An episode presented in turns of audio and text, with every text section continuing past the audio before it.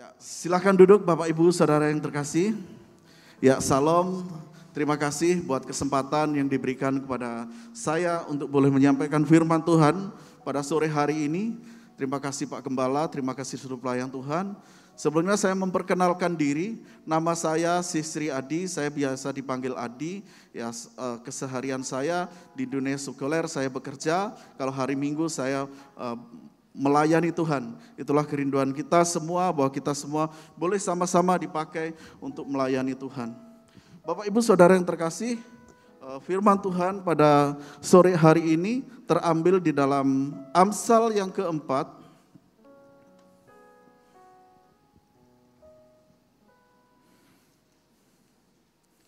Amsal yang keempat ayatnya yang ke 23 sampai 27.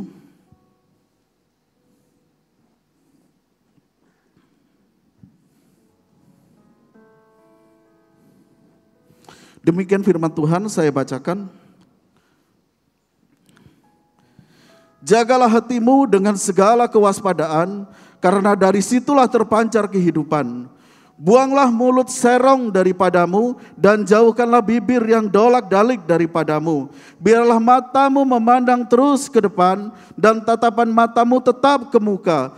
Tempuhlah jalan yang rata dan hendaklah tetap segala jalanmu. Janganlah menyimpang ke kanan atau ke kiri. Jauhkanlah kakimu dari kejahatan.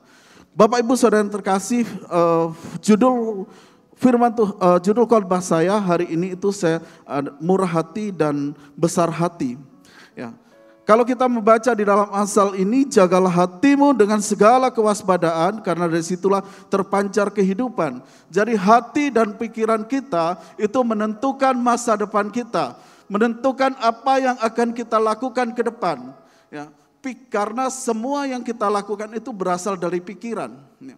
Pikiran kalau pikiran kita baik, pikiran kita itu kudus, hati kita kudus, maka yang akan kita lakukan adalah baik dan juga benar. Dan hat, murah hati ini adalah bagian dari buah roh.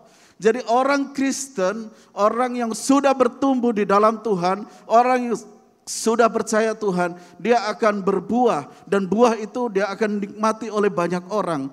Hari ini kita belajar tentang murah hati, yaitu kita murah hati menjaga hati kita, menjaga pikiran kita, menjaga perkataan kita supaya perkataan kita selaras dengan kehendak Tuhan.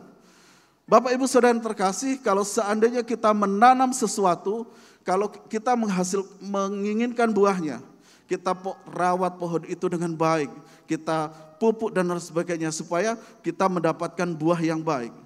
Kalau kita sebagai anak Tuhan, kalau kita tidak bisa berbuah dari diri kita sendiri, kalau bukan dari Kristus. Dalam Yohanes berkata, tinggallah di dalam aku dan aku di dalam kamu, supaya kamu bisa berbuah. Supaya kita bisa menghasilkan buah yang baik, buah pertobatan yang baik. Dalam menjaga hati dan pikiran kita, kita juga harus menyelaraskan dengan firman Tuhan. Sesuai yang apa yang ada di Mazmur 1 ayat 1, mohon ditampilkan. Mazmur 1 ayat 1.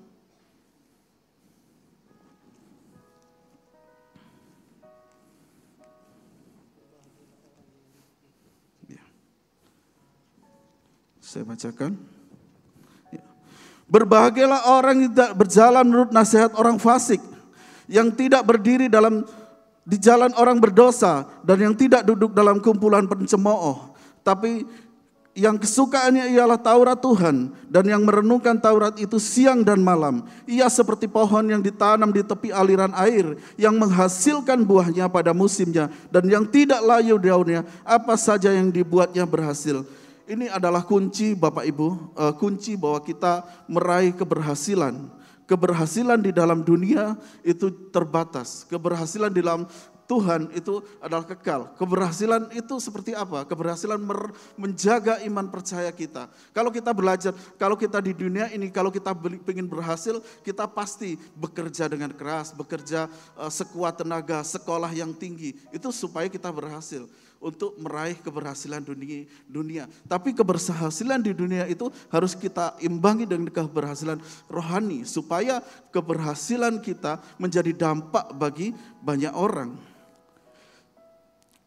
Jadi kita harus menjaga baik-baik hati dan pikiran kita, kita kita hidup sesuai dengan firman Tuhan. Bapak Ibu Saudara, bagaimana kita bisa menjaga hati kita?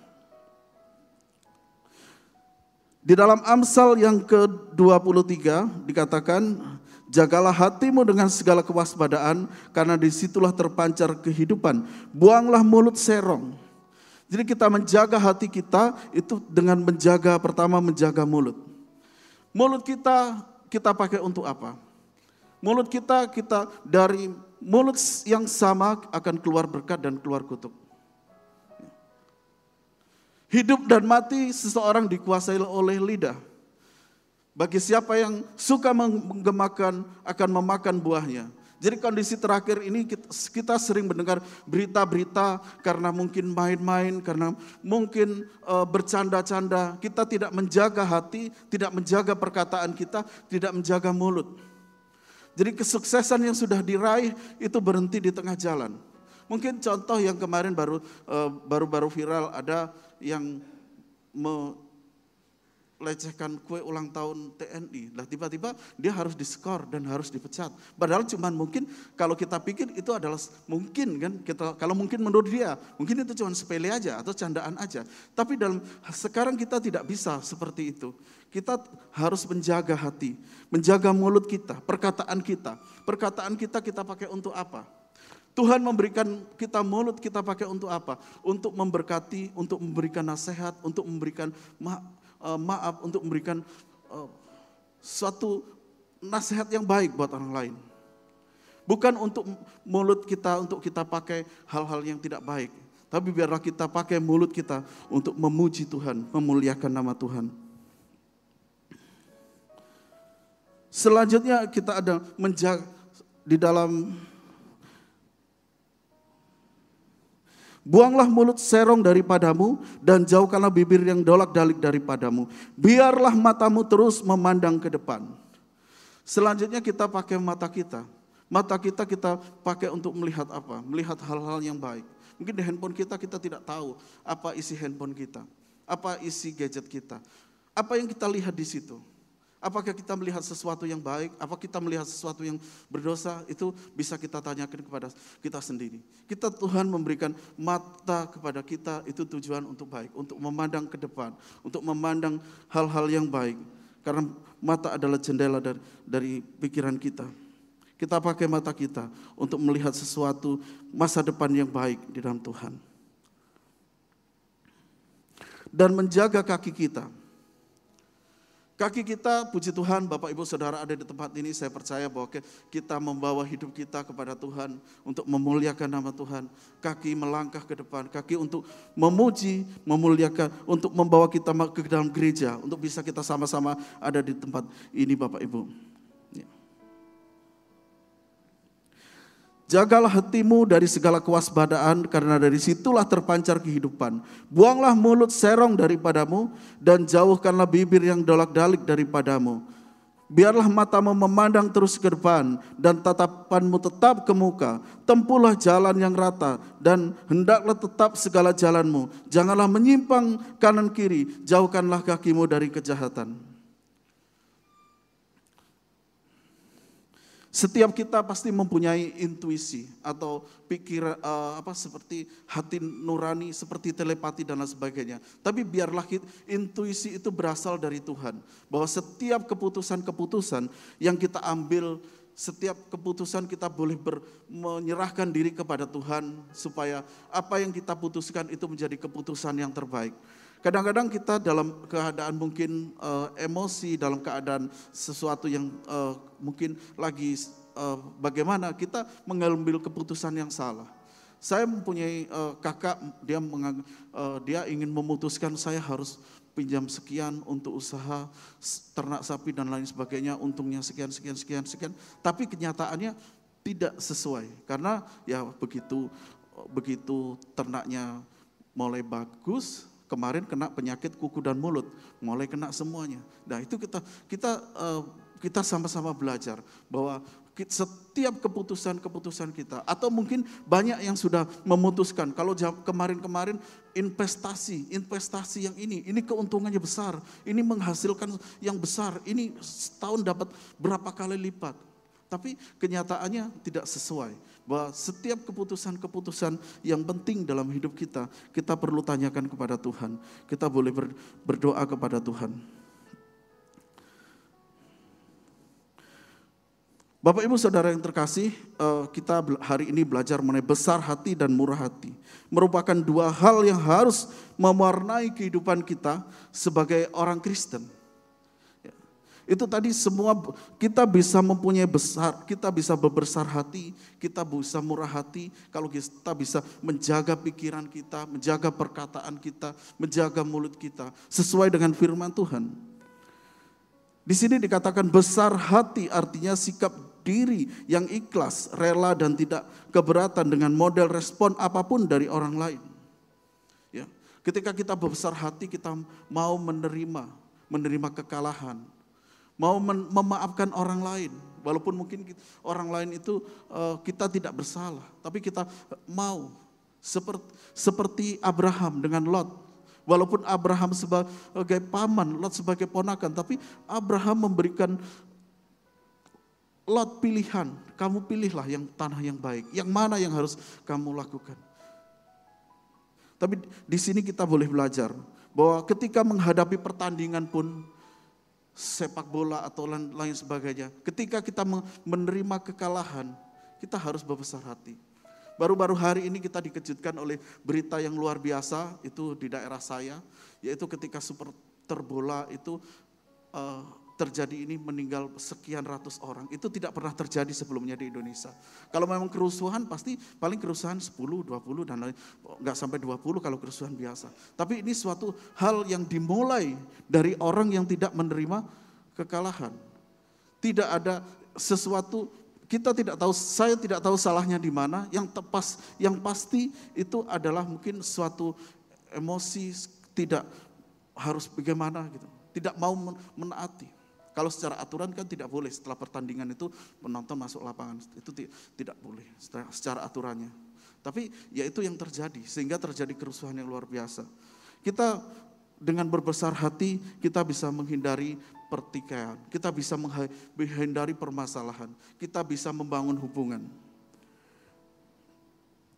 Murah hati sendiri artinya respon yang mudah sekali memberi, suka sekali memberi, pengasih dan penyayang dan pemaaf. Kita hari ini belajar dua hal, yaitu murah hati dan besar hati.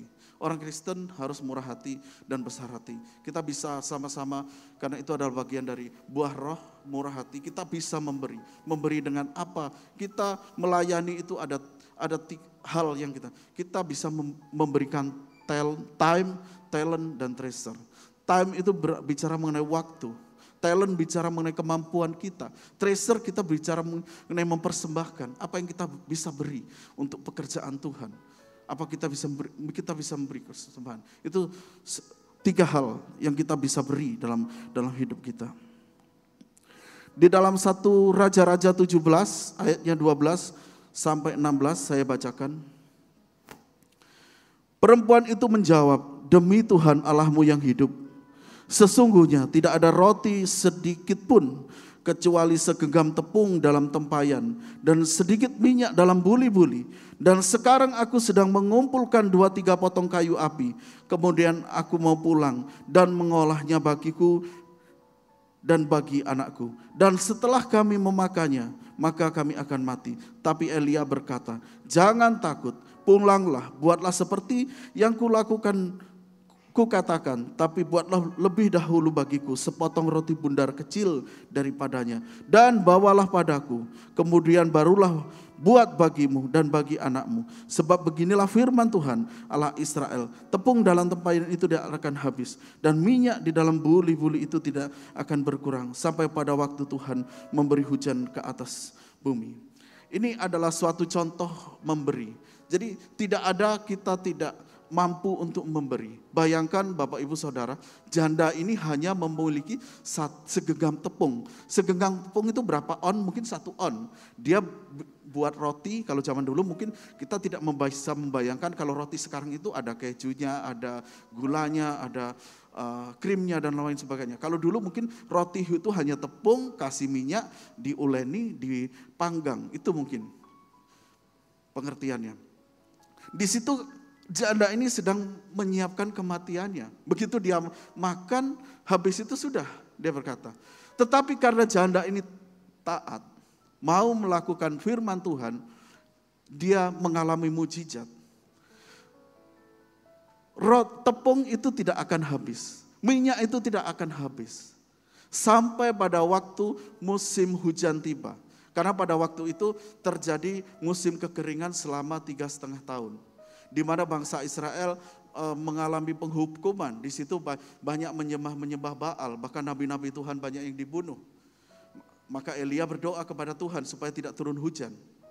Ketika uh, nabi-nabi Baal itu sudah di, uh, sudah disingkirkan, maka Elia pun juga berdoa. Elia juga manusia ber, biasa dikatakan. Ketika dia berdoa tidak turun hujan, tidak turun hujan. Ketika turun Elia berdoa minta hujan, hujan turun. Itu mujizat terjadi, pemeliharaan terjadi karena ketaatan.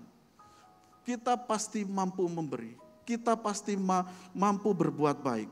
Kita bayangkan janda ini hanya memiliki segenggam tepung, segenggam tepung, tapi dia mampu memberi.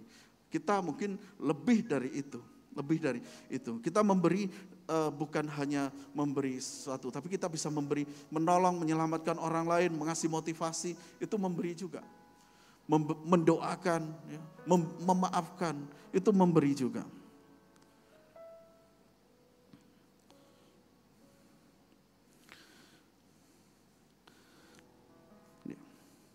Bapak Ibu Saudara terkasih, mungkin uh, dulu kita kondisinya lagi mungkin susah sama-sama susah, kita bisa me, uh, menjaga hati dengan berbesar hati, tidak sedih, tidak terluka, tidak ikhlas, uh, sorry, ikhlas dengan apa pun respon orang. Saat kita mulai bangkit pun, saat kita mulai diberkati pun, saat kita mulai memiliki sesuatu, kita pun juga harus punya respon yang sama. Kita harus punya respon yang sama, kita murah hati, kita mau memaafkan, mau mengampuni kesalahan orang lain.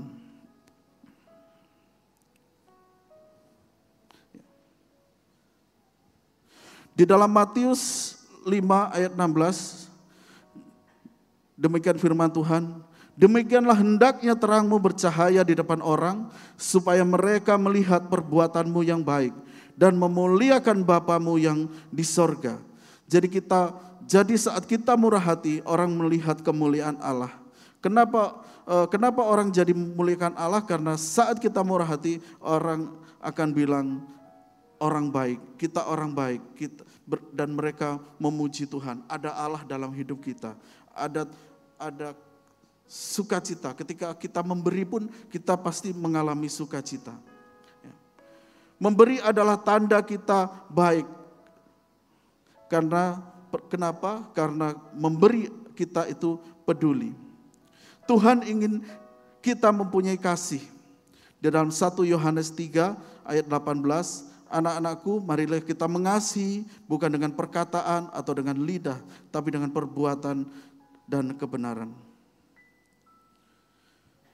Puji Tuhan, Bapak Ibu, Saudara yang terkasih, dalam kehidupan saya selama masih kecil, saya menemui orang-orang yang baik, saya menemui uh, saudara-saudara yang baik. Ketika saya waktu kecil tidak punya kendaraan untuk sekolah, ada saudara yang memberikan tumpangan, itu suatu kebaikan yang saya ingat sampai sekarang sampai sekarang ini ketika uh, saya sedang membutuhkan pertolongan ada ada saja orang yang menolong kita bahwa itu namanya golden connection ya. Tuhan memberikan koneksi memberikan orang lain untuk membantu kita untuk menolong kita. Mungkin kita sudah juga pernah mengalaminya Mungkin kita sedang mengalami persoalan, mungkin membutuhkan sesuatu, membutuhkan jalan keluar. Tuhan menolong, memberikan hikmat melalui orang lain, melalui itu adalah uh, golden connection yang Tuhan kirim dalam hidup kita.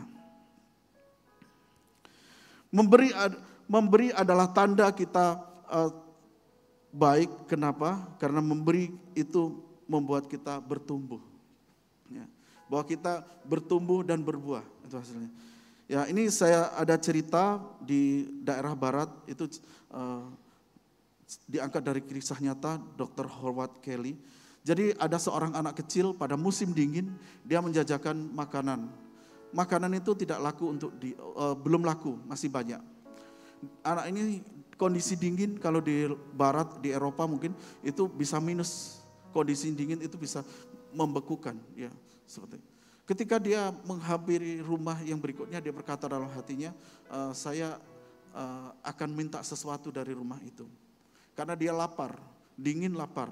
Ketika dia mengetok pintu, dia uh, ada ibu-ibu yang membuka pintu dan ibu ibu berkata, uh, apa yang bisa dibantu? Dia hanya minta segelas air putih.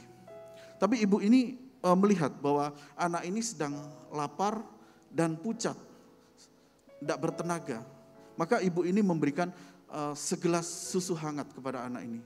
Ketika sudah diberikan, anak ini merasa senang dan anak itu uh, melanjutkan menjual dagangannya. Ketika sudah berpuluh-puluh tahun berlalu, anak kecil ini menjadi seorang dokter spesialis di suatu rumah sakit yang besar. Ketika dia menerima seorang pasien, dia melihat bahwa uh, pasien ini berasal dari daerah yang dia waktu dia masih kecil ibu uh, pasien ini mengalami sakit kronis, sakit yang uh, memerlukan biaya yang besar. Seandainya dia menjual seluruh hartanya, menjual harta miliknya, maka uh, tidak akan cukup untuk membayar rumah sakit ini. Tapi dia melihat bahwa dokter Kelly ini melihat bahwa ini adalah orang yang menolongnya waktu kecil. Lalu ketika semua berjalan, semua proses penyembuhan selesai, tagihan rumah sakit datang, di pojok kiri kanan, di pojok kanan atas lihat uh, tagihan itu lunas dibayar dengan air segelas air susu. Jadi kebaikan itu memberikan dampak yang luar biasa. Mungkin kita tidak menerima langsung kebaikan yang kita berikan, tapi kita sedang membangun, kita sedang membangun hubungan yang baik. Ya, kita sedang berikan ajaran yang baik, memberikan contoh yang baik. Memberi adalah tanda baik. Kenapa memberi itu adalah dengan memberi kita tidak egois. Memberi bukanlah kewajiban, tetapi itu adalah uh, kebiasaan. Amsal 11 ayat 24 dikatakan, ada yang menyebar harta tapi tidak bertambah kaya ada yang menghemat secara luar biasa, namun selalu berkekurangan. Dunia orang yang suka memberi, bertambah lama tambah besar, tapi dunia orang yang pelit tambah lama tambah kecil. Biarlah setiap kita, kita hidup kita, kita pakai untuk memuliakan nama Tuhan. Mari kita angkat satu pujian.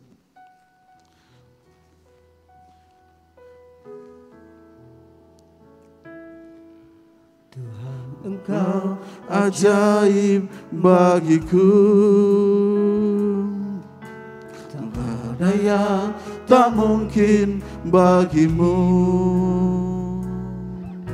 Kau yang telah berfirman Dan semuanya jadi.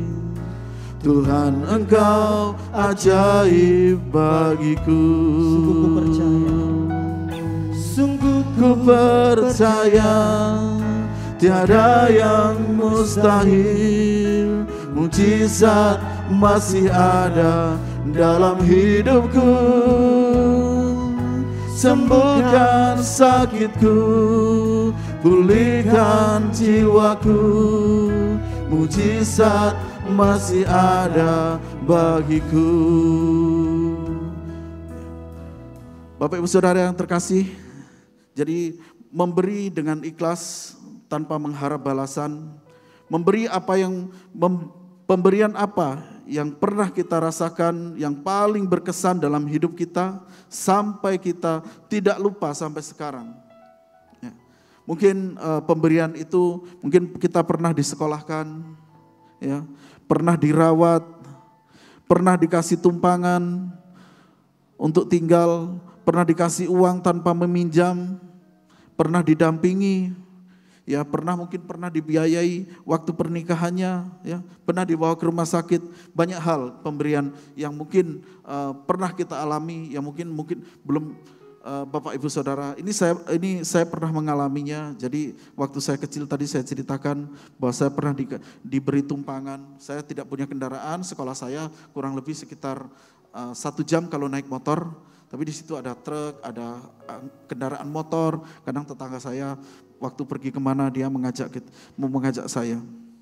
Jadi Bapak Ibu saudara kasih bahwa kita harus bertumbuh, ya kita harus murah hati, kita harus uh, besar hati, ya. kita harus murah hati, besar hati, karena itu adalah bagian dari orang Kristen yang bertumbuh, ya. itu adalah bagian dari buah-buah roh. Ya.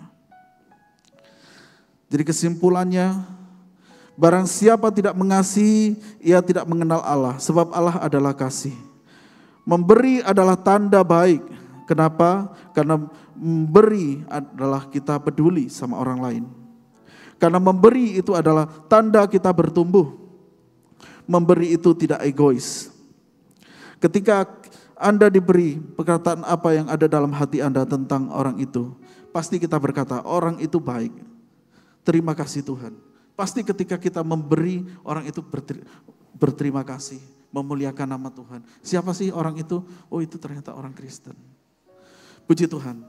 Firman Tuhan sampai uh, sampai di sini bela kita semua menjadi orang-orang Kristen yang murah hati, yang berbesar hati, yang menjadi berkat, yang bertumbuh dan menghasilkan buah-buah yang lebat dalam kehidupan kita. Kesuksesan kita dibarengi dengan iman yang kuat supaya perkataan kita, perka, pikiran kita, perbuatan kita itu selaras dengan firman Tuhan. Suci dalam pikiran, perkataan dan perbuatan. Itulah integritas dalam hidup kita sebagai orang-orang Kristen. Puji Tuhan, mari kita sama-sama bangkit berdiri.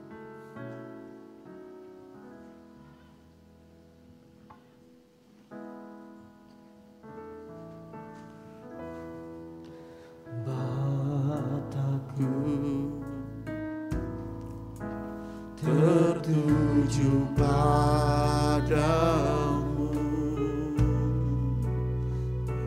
Segenap hidupku ku serahkan padamu.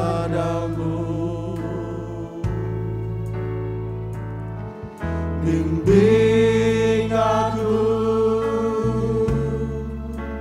masuk